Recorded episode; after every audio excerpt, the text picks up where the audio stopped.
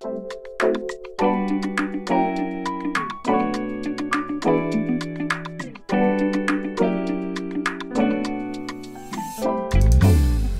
välkommen till Fantastisk hälsa. Mitt namn är Johan Erkle. Jag är kock och matentreprenör. Mitt namn är Cecilia Fürst och jag är specialistläkare i Sverige samt i Integrative och Functional Medicine i USA. Och jag heter Nils Per Skåra. Jag är performance coach, kosthållsvägledare och idrottsutöver. Och med den här podcasten ska vi hjälpa och inspirera dig på vägen mot en fantastisk hälsa. Yes, då är vi tillbaka igen. Och idag ska vi prata om melatonin. Så då vad fördelarna med melatonin, vad det är för någonting. Och eh, som jag tänkte när Cecilia sa att vi skulle prata om melatonin tänkte jag på ett tillskott. Men det, man har ju det faktiskt i kroppen också. Så här kommer Cecilia. Tack Johan. Eh, som sagt, jag ska prata lite om eh, eh kroppens egen förmåga att producera den här, det här jätte, jätteviktiga hormonet. Man tänker kanske inte på det, men det har otroligt stora effekter och funktioner i kroppen. Eh, och kan påverka eh, både den kroppsliga hälsan men också den psykiska hälsan. Eh, så det är faktiskt ett ganska spännande ämne eh, som man kanske inte tänker så mycket på mer än att det ska ge en sömn och en bra sömn. Den gör så mycket mer än bara ser till att du sover på natten. Så därför tänkte jag att det kunde vara lite intressant idag att djupdyka lite mer i vad det är för någonting, Eh, vilka celler som påverkas och eh, vad du kan tänka på för att förbättra din egen produktion av melatonin. För det kan man göra. Ja. Sen kan man, som vi ska prata lite om också senare, använda melatonin eh, av och till när man behöver. Eh, med, med, goda effekter och bra effekter. Eh, melatonin är ett litet hormon som utsöndras av en liten, liten struktur inne i hjärnan som eh, vi på svenska kallar för tallkottkörteln. Och det är helt enkelt för att den har den, det utseendet, så därför har man gett den det namnet. På engelska brukar man säga pineal gland. Um, och som många känner till så är det ju som sagt, eh, det är kopplat till vår dygnsrytm och insöndring. Eh, Eh, men som sagt, den påverkar många, många olika andra effekter i kroppen som man kanske inte förstår eller har ens har tänkt på. Den reglerar till exempel kroppstemperatur, kortisolnivåer, blodtryck, humör, hjärnans hälsa, eh, immunförsvarsfunktioner och eh, faktiskt även sexualdrift och lust är också kopplat till melatonin. Eh, melatonin kan också se till att du till exempel eh, reducerar smärta, så olika typer av smärtnivåer. Man kan utnyttja det om man har kronisk smärta till exempel, att faktiskt ge patienterna lite extra melatonin för att hjälpa dem. Eh, och sen är melatonin också ett fantastiskt antiinflammatoriskt ämne. Så melatonin gör alltså extremt mycket olika saker i kroppen. Eh, på lite olika sätt. Eh, som sagt, eh, det bildas då i den här lilla tallkottkörteln. Eh, och den produceras eh, när kroppen är, utsätts för mörker helt enkelt. Då startar det upp melatoninproduktionen i den här lilla körteln. Och Det är därför det är så otroligt viktigt att man tänker på det. Så att man förbereder kroppen och stänger av och stänger ner ljus som jag pratat om många gånger och kanske använder olika typer av hjälp just för att se till att eh, rensa bort skräpljus och annat under kvällen. Så att kroppen faktiskt får rätt signaler och börjar producera melatoninet vid rätt tidpunkt. Um, melatoninet är väldigt, väldigt kritiskt för ett system i hjärnan som man har pratat, börjat prata lite grann om och så med relativt ny diskussion runt som man kallar för det glymfatiska systemet. Eh, och eh, enkelt uttryckt, det glymfatiska systemet, det handlar egentligen om hur hjärnan eh, tar bort och eh, destruerar olika typer av eh, skadliga ämnen som bildas eh, under processerna i hjärnan. Så att får du då inte melatonin insöndring så funkar inte det här glymfatiska systemet som då ska rensa och sopa rent och städa hjärnan.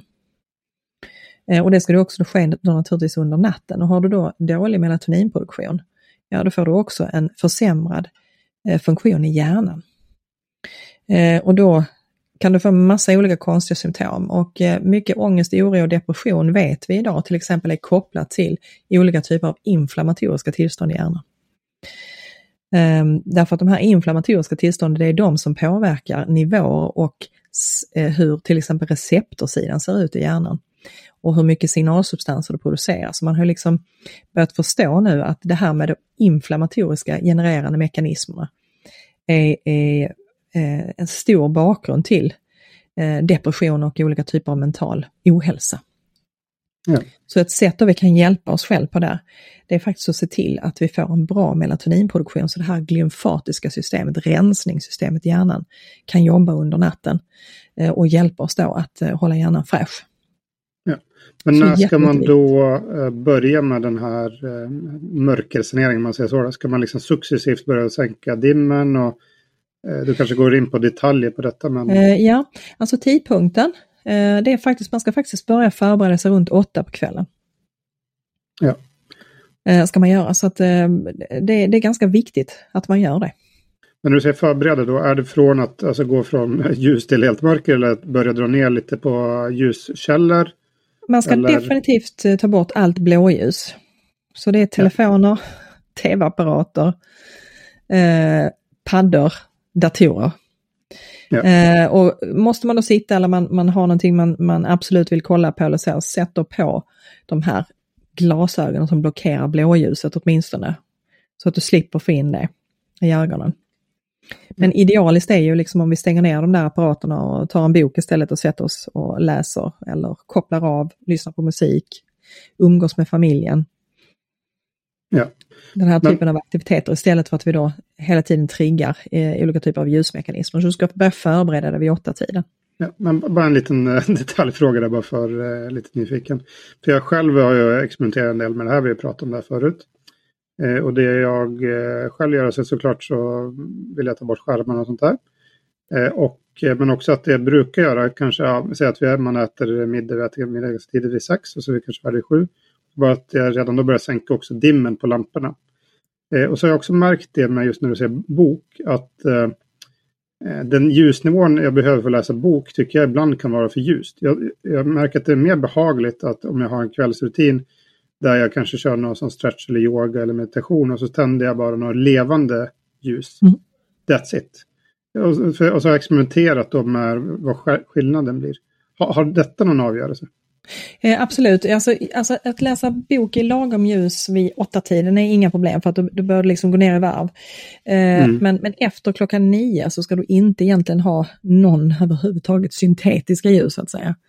Nej, eh, ska du inte ha. Eh, därför att det är då du börjar producera eh, ordentliga mängder med melatonin. Så det är en jättebra rutin det du beskriver där, att tända lite levande ljus, göra lite avkopplande eh, yogaövningar till exempel Eh, någonting som får dig liksom att känna att kroppen blir avslappnad. Eh, jag tycker jättemycket om till exempel att använda mig av ehm, eh, min lilla sån här IR-bastu ja. Eh, filt som jag har. Ja, Den är jag superförtjust av eh, och, och använda på kvällen till exempel.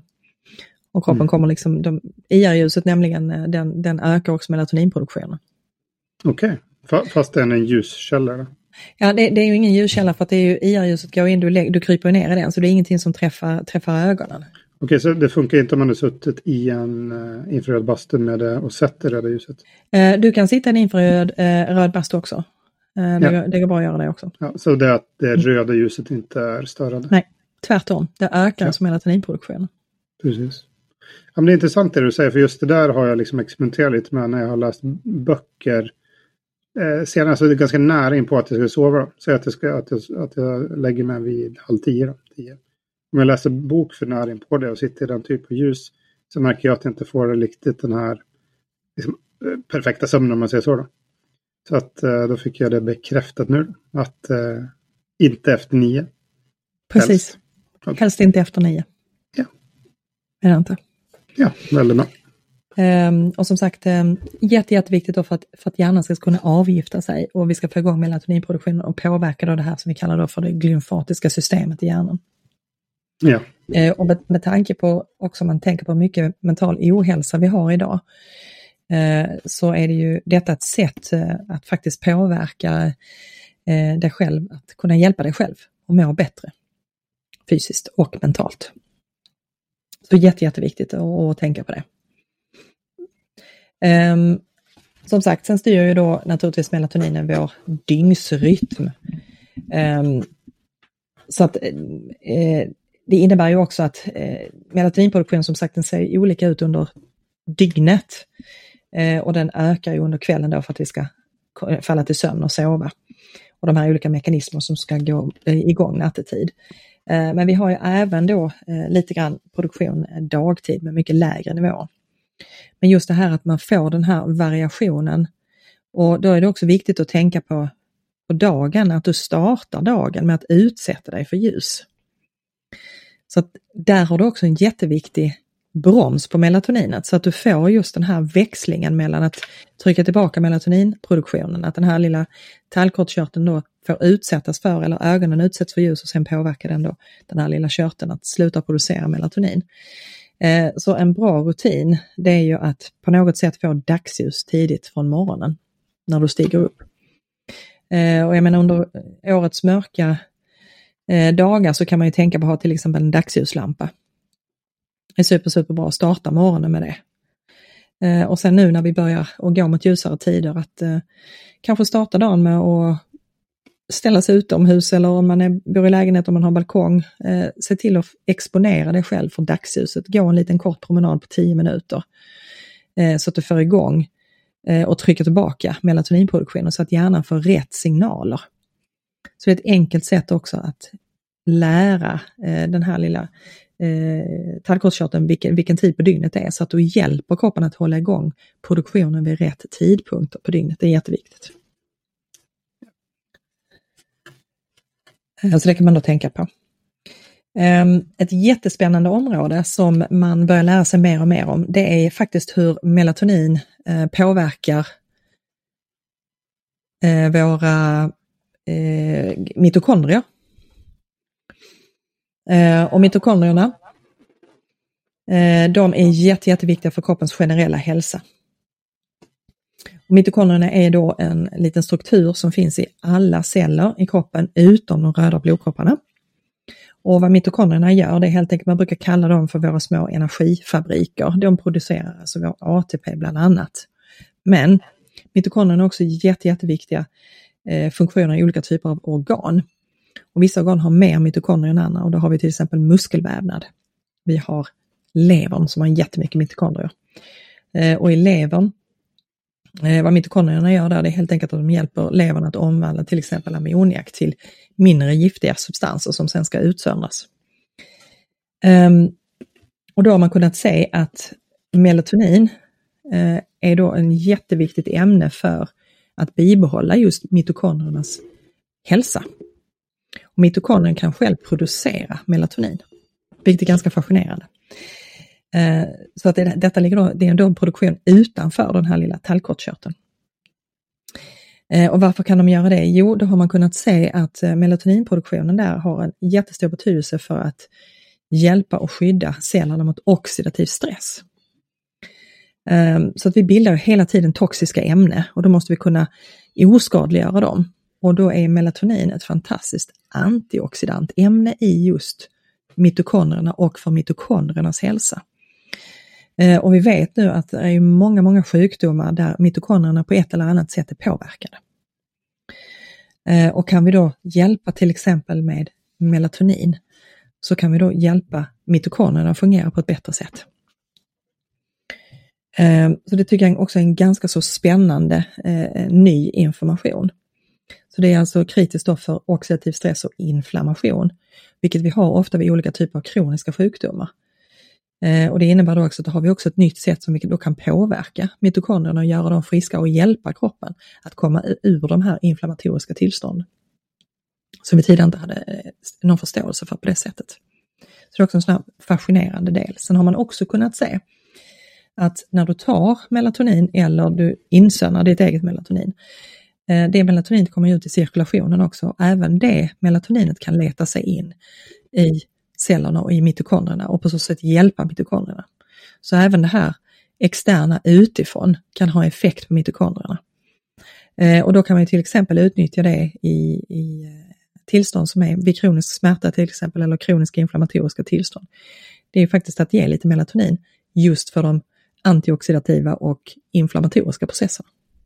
Ja, en fråga där. För jag tror det var det jag tänkte på när så fort du sa melatonin så tänkte jag på tillskottet. Det är Mm. så mycket snack om just melatonin i tillskottsform. Mm. Eh, det har vi nämnt lite innan också där, men att eh, eh, vissa tänker att okej, men jag kanske blir beroende så att jag, kroppen slutar producera det själv eller att, Mm. att det blir ja, beroende av det tillskottet. Mm. Kan du bara nämna lite om det också, bara när du Mm. nämner tillskottet? Ehm, som sagt, melatonin är ett hormon, eh, så att det ska ju användas med, med förnuft. Eh, och det är också någonting som, som man får utnyttja när man har behov av det. Och det är som jag säger, att du måste hela tiden bedöma vad du har för tillstånd i kroppen.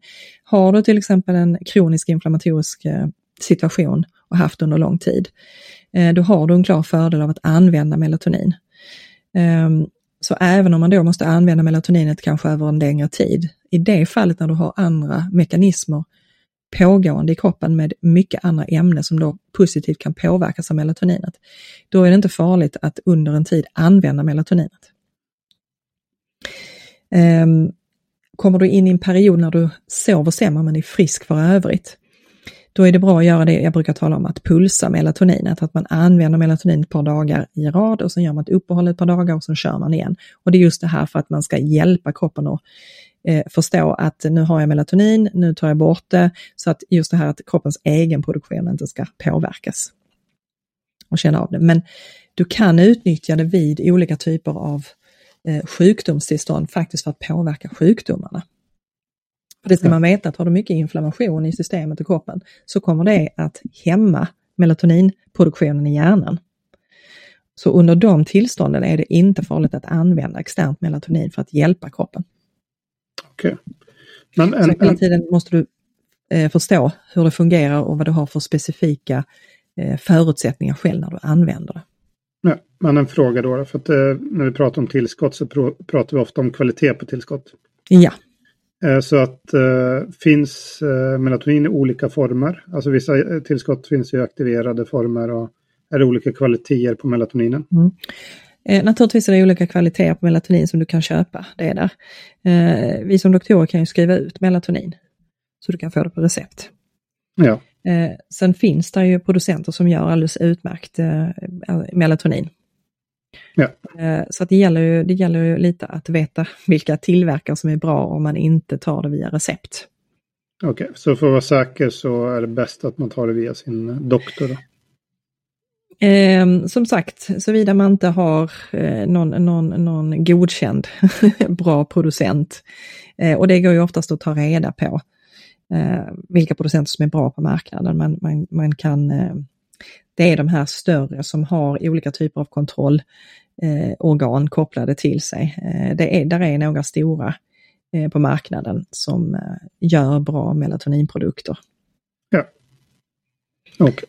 Så att de, är ingen, de är ingen fara att använda. Men annars så, som sagt eh, kan man absolut eh, få det utskrivet också. Ja. All right. Och apoteken gör ju, framställer ju melatonin. Ja, okej. Ehm, eh, nu ska vi se, vi pratar just det här om, mitokondrierna och hur viktig melatoninen var för mitokondriernas funktioner. Um, så att om man då ska titta lite på de här effekterna som vi kan få av melatoninet. Vi vet att melatonin reducerar inflammation. Och det är därför den hjälper kroppen att stoppa olika typer av processer som genererar de här fria radikalerna. Ehm, och det som jag pratar om det här med kronisk inflammation, så man kan ta hjälp av lite melatonintillskott om man har pågående inflammatoriska eller kroniska sjukdomar för att förbättra inflammationstillståndet i kroppen. Ehm, en annan mycket spännande effekt som melatoninet har det är att den har en anticancereffekt. Ehm, och det är ganska fascinerande när man går in och tittar på fysiologin runt vad melatonin faktiskt kan göra eh, för att eh, minska riskerna för eh, metastasering. Ehm, till exempel alltså att tumörerna sprider sig. Och de stänger av en mekanism som cancercellerna har som man brukar kalla för Warburg-effekten. Eh, och det är helt enkelt att de här eh, cancercellerna de eh, kan ju livnära sig fast att det är en syrefattig miljö. Och då har man kunnat se att har man då melatonin tillgängligt i kroppen så stängs den här Warburg-effekten ner. Och då påverkas till exempel, då blockerar man de här tumörpromoterande inflammationen som tumörgenerna skickar ut. Ehm, man minskar också tillväxtsignalerna för tumörcellerna. Eh, och man blockerar också kärlnybildningen för att cancercellerna har förmåga att bilda massa nya kärl så att den kan försörja att de växer snabbt. Då har man kunnat se att melatonin kan alltså blockera även den effekten. Så det är ganska många olika typer av positiva effekter man kan få av melatoninet, till exempel när man då har eh, eh tumör, tumörsjukdomar. Så det är också något man kan utnyttja och eh, som jag tycker är en ganska så fascinerande effekt som vi inte har haft full koll på tidigare men som vi har börjat förstå hur de här mekanismerna eh, fungerar och att vi faktiskt då kan utnyttja eh, melatoninet som, som en hjälp. Eh, och många gånger så är, har man ett väldigt inflammatoriskt tillstånd när man har eh, cancer och har ofta då en störd eh, dygnsrytm. Eh, och då kan man ju definitivt få dels eh, nytta för sömnen men också alla de här andra effekterna som jag pratat om här, att det direkt går in och har antikancerogena effekter av melatoninet. Um, ehm, vi vet att vid olika typer av inflammatoriska sjukdomar som eh, genereras i hjärnan kan vi också få positiva effekter av melatonin. Eh, vi vet till exempel att eh, Alzheimer ehm, Eh, patienter har reducerad melatoninproduktion eh, och att de får en väldigt störd eh, dygnsrytm och då har man kunnat se att man kan bromsa demensutveckling och annat med om man ser till att försöka substituera med melatonin och få ordning på det här med dygnsrytmen så kan man alltså bromsa bildningen till exempel av de här amyloida placken i hjärnan. Och de här tauproteinerna som man kan se då ökar vid till exempel Alzheimer. Okay. Så där kan man också något... få hjälp. Ja, är detta sånt som görs i, har börjat gjort i vanlig sjukvård nu eller? Hur? Jag vet inte om man använder, jag tror inte man använder det på det sättet. Eh, eh, det kan jag faktiskt inte uttala mig om om man gör. Man skulle mycket väl kunna göra det. Ja. Om man tittar på eh, melatonins fysiologiska effekter. Ja. Um, sen har vi då de här, till exempel då, eh, reducer, att reducera smärta, smärtnivåer. Så då för, för personer som har eh, olika typer av kroniska smärta av en eller annan anledning um, kan då ha nytta av till exempel att då använda melatonin. Eh, för att helt enkelt få en smärtlindring, för, för ett effektivare smärtlindring. Okay. Eh, och därför är det också en, en effekt av eh, att den då också påverkar inflammationen. Så du sänker inflammationsgraden också, så du får ju dubbla effekter där. Dels att det påverkar smärtreceptorerna, men också att det kan påverka och sänka inflammationen. Så då får man det från två håll. Mm. Så det är också något man kan tänka på att man kan utnyttja det på det sättet. Okay. Men är det en viss, eh, är det, är det stora mängder man må upp i för att få de här effekterna eller? Eh, svar nej, det är det mm. faktiskt inte.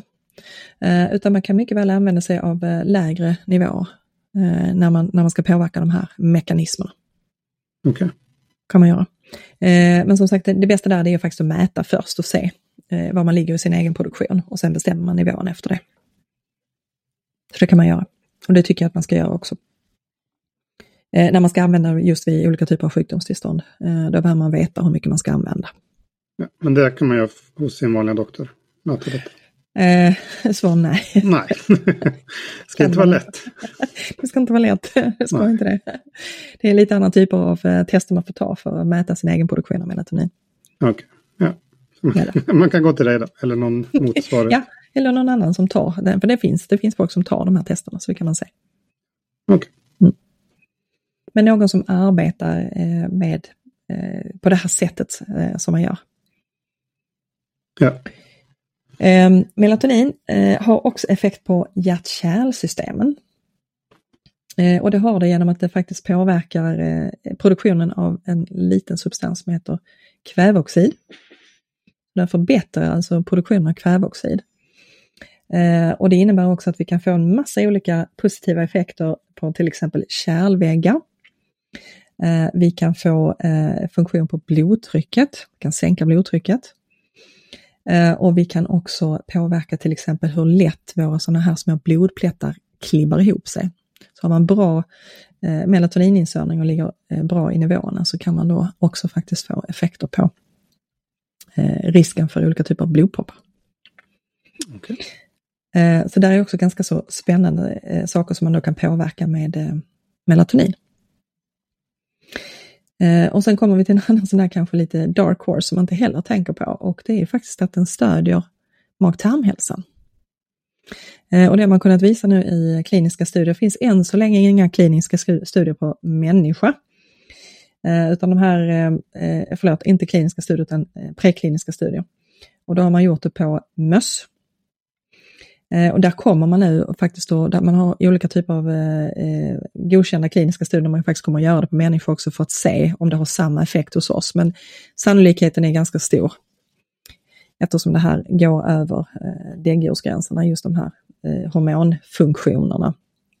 Men det man har kunnat se nu i de här prekliniska eh, studierna och studier man har gjort på eh, djur eh, så har man kunnat se att eh, de som har försämrad melatonininsöndring, Eh, har eh, ökad genomsläpplighet i tarmytan, alltså läckage alltså på tarmepitelet.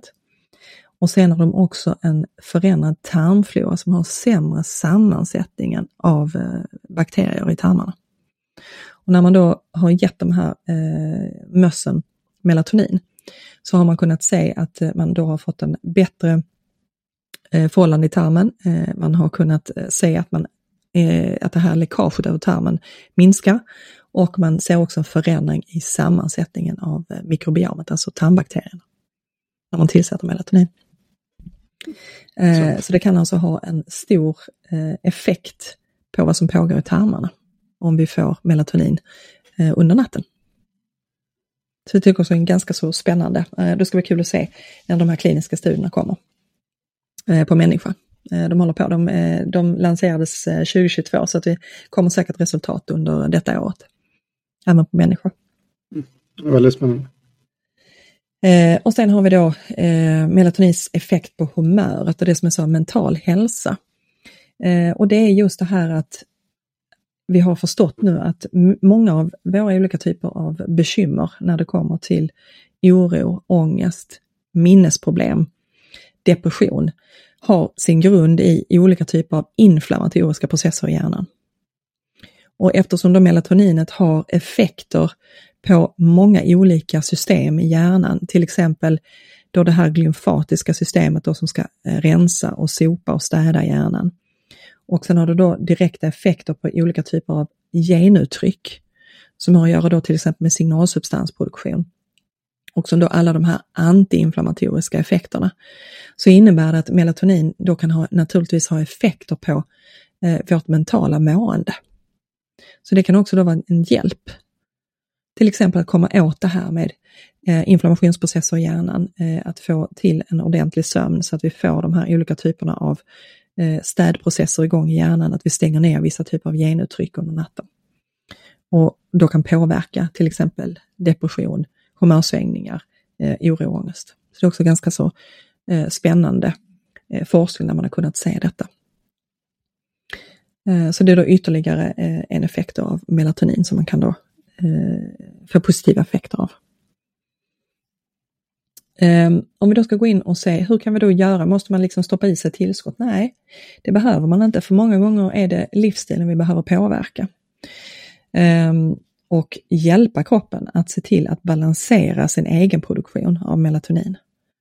Så det ska alltid vara ett mål att förstå hur kan jag själv göra för att balansera min egen produktion?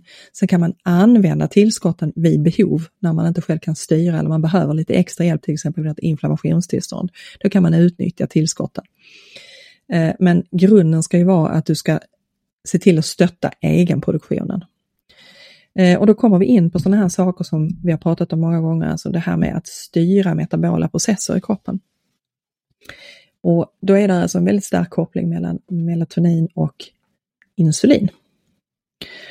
Så att ligger du okontrollerat eller oreglerat eller sämre reglerat i blodsockernivåer, så att du äter på ett sätt som gör att ditt blodsocker svänger mycket. Eh, och vilket innebär att också insulinnivåerna svänger och tillgängligheten på glukos Eh, svänger. eh, då kommer detta att påverka effekten och produktionen av melatonin. Den försämras.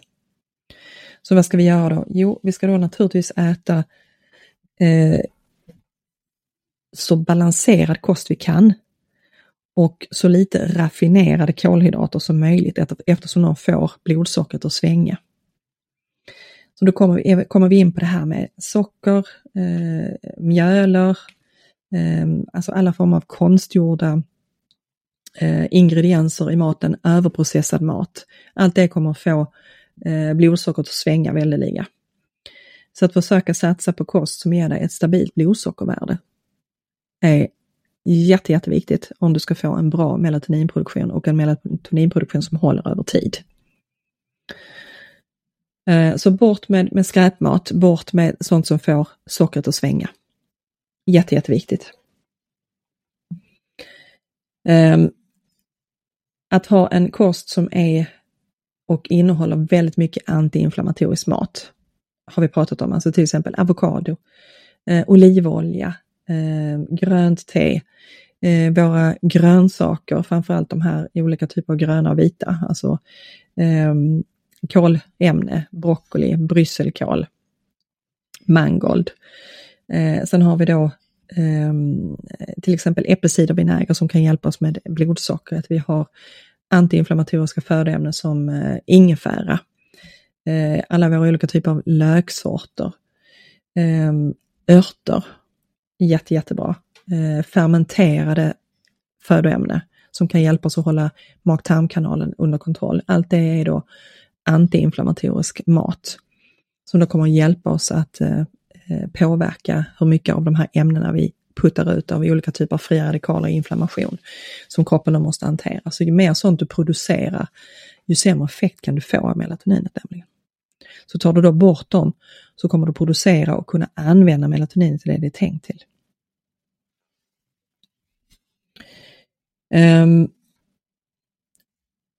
ett annat sätt att påverka din egen produ eh, produktion av melatonin, det är att sluta äta vid rätt tidpunkt på kvällen. Och då har vi det här därför att det är det att vi har klockgener. Eh, det innebär helt enkelt att vissa organ är ämnade att arbeta vid vissa tidpunkter. Och stör du de tidpunkterna så kommer du störa andra cellers produktion av sina viktiga ämnen. Och då kan de hämmas i sin produktion. När det då kommer till melatonin och melatonininsöndringen så är det, har man sett att till exempel är jätteviktigt att sluta äta, så man ska inte äta helst någonting eh, efter klockan sex, senast sju, för mellan sex och sju, där ska du stoppa eh, med att äta. För då hjälper du kroppen att eh, komma in och kunna producera melatonin vid rätt tidpunkt. Så det är jätte, jätteviktigt, det är ett sätt att komma åt det. Så det kan man tänka på. Så inte äta någonting i alla fall inte efter klockan sju. Ehm, att röra sig vid rätt tidpunkt. Eh, det är just det här att inte aktivera kroppen för sent på kvällen med träning. Utan träningen ska ligga tidigare. Ehm, gärna morgonträning om man kan tänka sig det. Har väldigt positiva effekter. Eh, där kom en studie nu nyligen eh, som var producerad på eh, Karolinska där de blev så förvånade över att se resultatet att om man sysselsatte sig med träning på morgonen, så direkt på morgonen första timmarna, eh, så kunde man se en ökad fettförbränning. Och det är just det här att olika hormoner är aktiva vid olika tidpunkter på dygnet. Det innebär då att du kan utnyttja när på dygnet det är bra att göra vissa saker. Tränar du för sent på kvällen så kommer det påverka insöndringen av melatonin. Så därför är det bra att lägga träningen åtminstone på eftermiddagen, men i alla fall inte på kvällen ett par timmar innan du ska gå och lägga dig, för att det kommer att störa de här processerna som ska gå igång. Ja. Den som vill eh, höra mer om detta så har vi avsnitt om, eh, där vi pratar om just detta, som heter dygnsrytm. Där har vi bland annat en eh, del 3 som är om sömn, som du var inne på. Det är nummer 57 om ni vill leta upp det. Och så pratar vi lite om detta också då i dygnsrytm del 2 som är om träning träning. Mm. Som är nummer 56. Så det kan jag också mm. rekommendera om ni vill fördjupa lite i det. Um, och nästa sak som vi också har pratat om här lite innan då, det är att du ska exponera dig för ljus på rätt tidpunkt. Så att starta dagen, du hjälper kroppen att förstå att den ska sluta producera melatonin om du startar morgonen med just det här dagsljus. Eh, eh, strålningen i, eh, som du får i ögonen så att det sätter igång de här processerna till dig. Så att exponera dig för ljus under eh, morgonen är jätte, jätteviktigt också för att hjälpa eh, de här eh, klockgenerna och produktionen av melatonin att fungera vid rätt tillfälle. Så att stänga ner den produktionen på morgonen är ett sätt att få igång melatoninproduktionen vid rätt tillfälle. Ehm, och sen är det då naturligtvis att optimalisera sömnkvaliteten. Eh, och det här som vi har pratat om då, att stäng ner ljuset så att du ger kroppen signalerna som den behöver för att faktiskt börja producera melatoninet. Så att du hinner komma upp i rätt nivåer Eh, så att du får de här riktiga boosten av melatonin under natten så att den kan göra alla de här sakerna som jag har pratat om. Antiinflammatorisk, antikancerogena effekter, eh, hjälper mitokondrierna att reparera, hjälper hjärnan att reparera. Så ska de mekanismerna gå igång, då behöver du få igång melatoninproduktionen på natten. Och då måste du naturligtvis hjälpa kroppen så att du inte stänger ner eh, melatoninproduktionen genom att utsätta dig för blåljus eller eh, aktivera dig för mycket på kvällen eh, så att du stänger ner eh, egeninsöndringen. Så det är super, super viktigt också att tänka på. Sanera, förbered dig för natten. Bara en fråga där, det, du sa med att utsätta ögonen för solljus och vidare. Eh, och eh, dygns eh, eh och klockgenerna. Alltså där vi bor då, där är det så pass mörkt hela tiden. Det blir, eh, på vissa platser blir det aldrig ljus nästan. Vissa årstider såklart. Är det något eh, tricks? Ska man ha någon sån lampa då eller som eh, ja. sån fejkat? Eh, man har faktiskt kunnat se det. Man, man gjorde ett försök i skolorna uppe i norra Sverige där man faktiskt bytte ut lysrören mot dagsljuslampor. Och där kunde man se väldigt stora förändringar och positiva förändringar, framförallt hur, hur ungdomarna mådde och hur de presterade i skolan. Och också en bättre mental hälsa. Okay. Så att ett sätt att komma åt det är dagsljuslampor. Jag har själv eh, dagsljuslampa i, här där jag sitter och jobbar. Eh, och sen har jag det faktiskt ute i köket. För att ute i köket är du mycket och det är det, det ja, första du gör på morgonen, det är att du är ute i köket. Så där har jag faktiskt dagsljuslysrör som okay. jag tänder. Det ser jättekul ut när man ser det utifrån på vintern. För det ser ut som att det är jätte, jätteljust inne i huset. Okay. Eh, gör det, så det ser rätt kul ut utifrån. Eh, men det har en enorm effekt. Vad är det för typ av uh, lysrör? För inte, uh... Det är dagsljuslysrör. Det så heter så, så man kan gå ja. till? Ja, du kan köpa, du kan gå till, uh, de flesta välsorterade byggfirmor har dagsljuslampor. Annars så kan man faktiskt köpa, jag brukar köpa mina på nätet för det är enklare. Okej. Okay, ja. Det går att köpa ja, på nätet, jag... dagsljuslysrör. ja, precis. För ibland, uh, vid årstider är det ju väldigt mörkt. Det blir nästan aldrig ljust. Så Exakt. Att, då kan det vara fint att boosta lite. Det är det. Eh, och sen kan man ju, sen finns det sådana här, det finns ju eh, alltså klockor, eh, morgonklockor som går igång med, med dagsljus och de kan du också ha till exempel när du sitter och jobbar vid datorn. Så kan du ha en sån också som är med tillräckligt starkt ljus. Men jag tycker det är rätt skönt att ha det så att hela rummet blir upplyst. Ja. Men där kan man välja lite vad man, vad man är bekväm med. Men att just det här att man utsätter sig för dagsljuset. Så då, och då får man göra det på konstgjord väg när man inte har eh, tillgång till solen.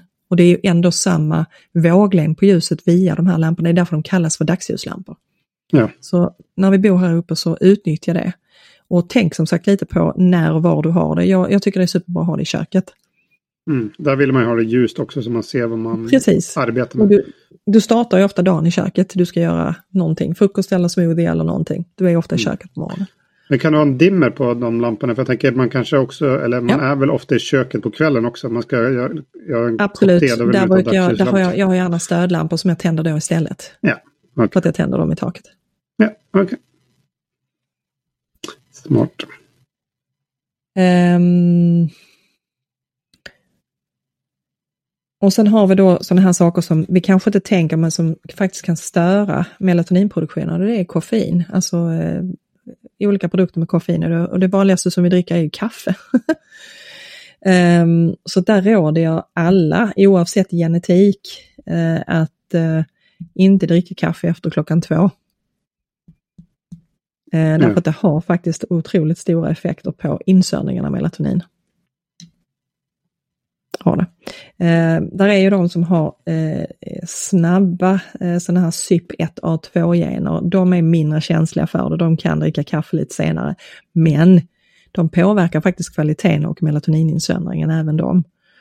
Eh, så därför rekommenderar jag faktiskt även för dem att, att inte helst inte dricka kaffe efter klockan två. Okay. man kan dricka lite där på morgonen? Eh, absolut, absolut. Bara, bara se till bara dricka det innan två. Eh, sen har ju koffeinet andra effekter på de som har eh, långsamma CYP1A2-gener.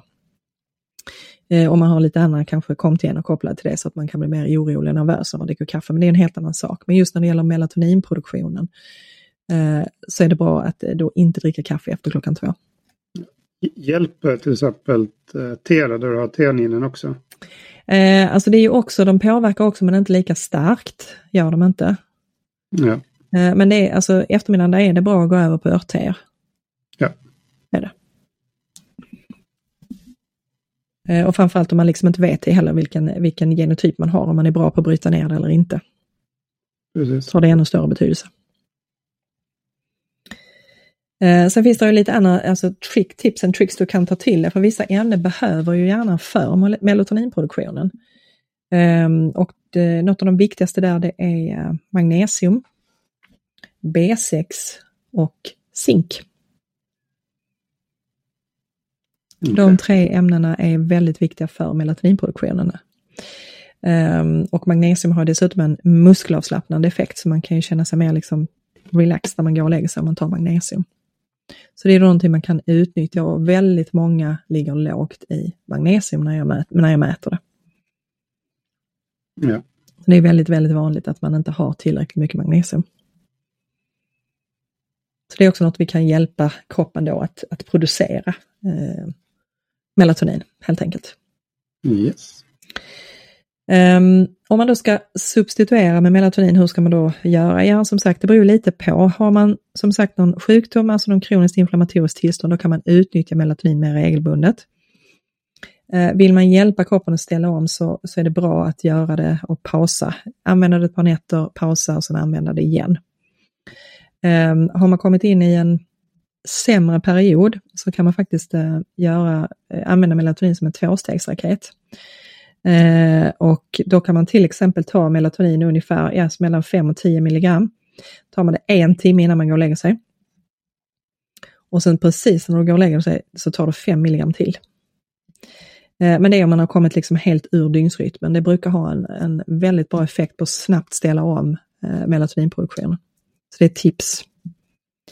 Eh, det är också något som de som arbetar natt till exempel kan ha nytta av när de behöver ställa om dygnsrytmen och skydda sig för att det vet man, nattskiftesarbete är slitsamt för kroppen.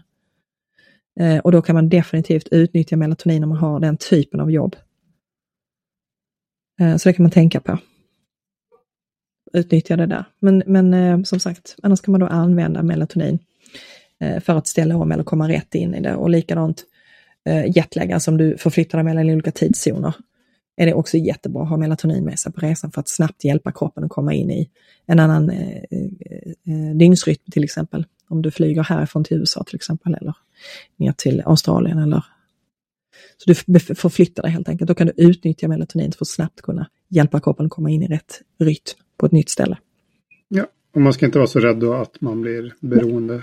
tidigt. Eller nej, fort. Nej. Behöver man inte. Nej, perfekt. Eh, så det var väl detta jag hade tänkt lite och berätta om melatonin som man kanske inte är riktigt medveten om att det, det gör faktiskt mycket mer än, än bara hjälper dig att sova på natten. Precis. jag tyckte det var väldigt intressant. Lärde mig eh, massa nytt här. Så tack för en bra prat. Tack Johan. Tack.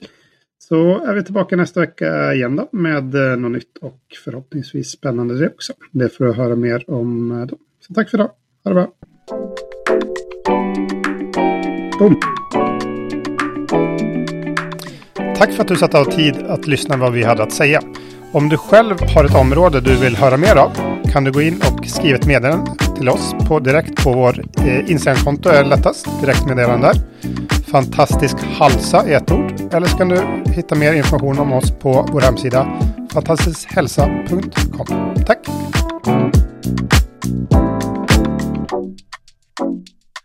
you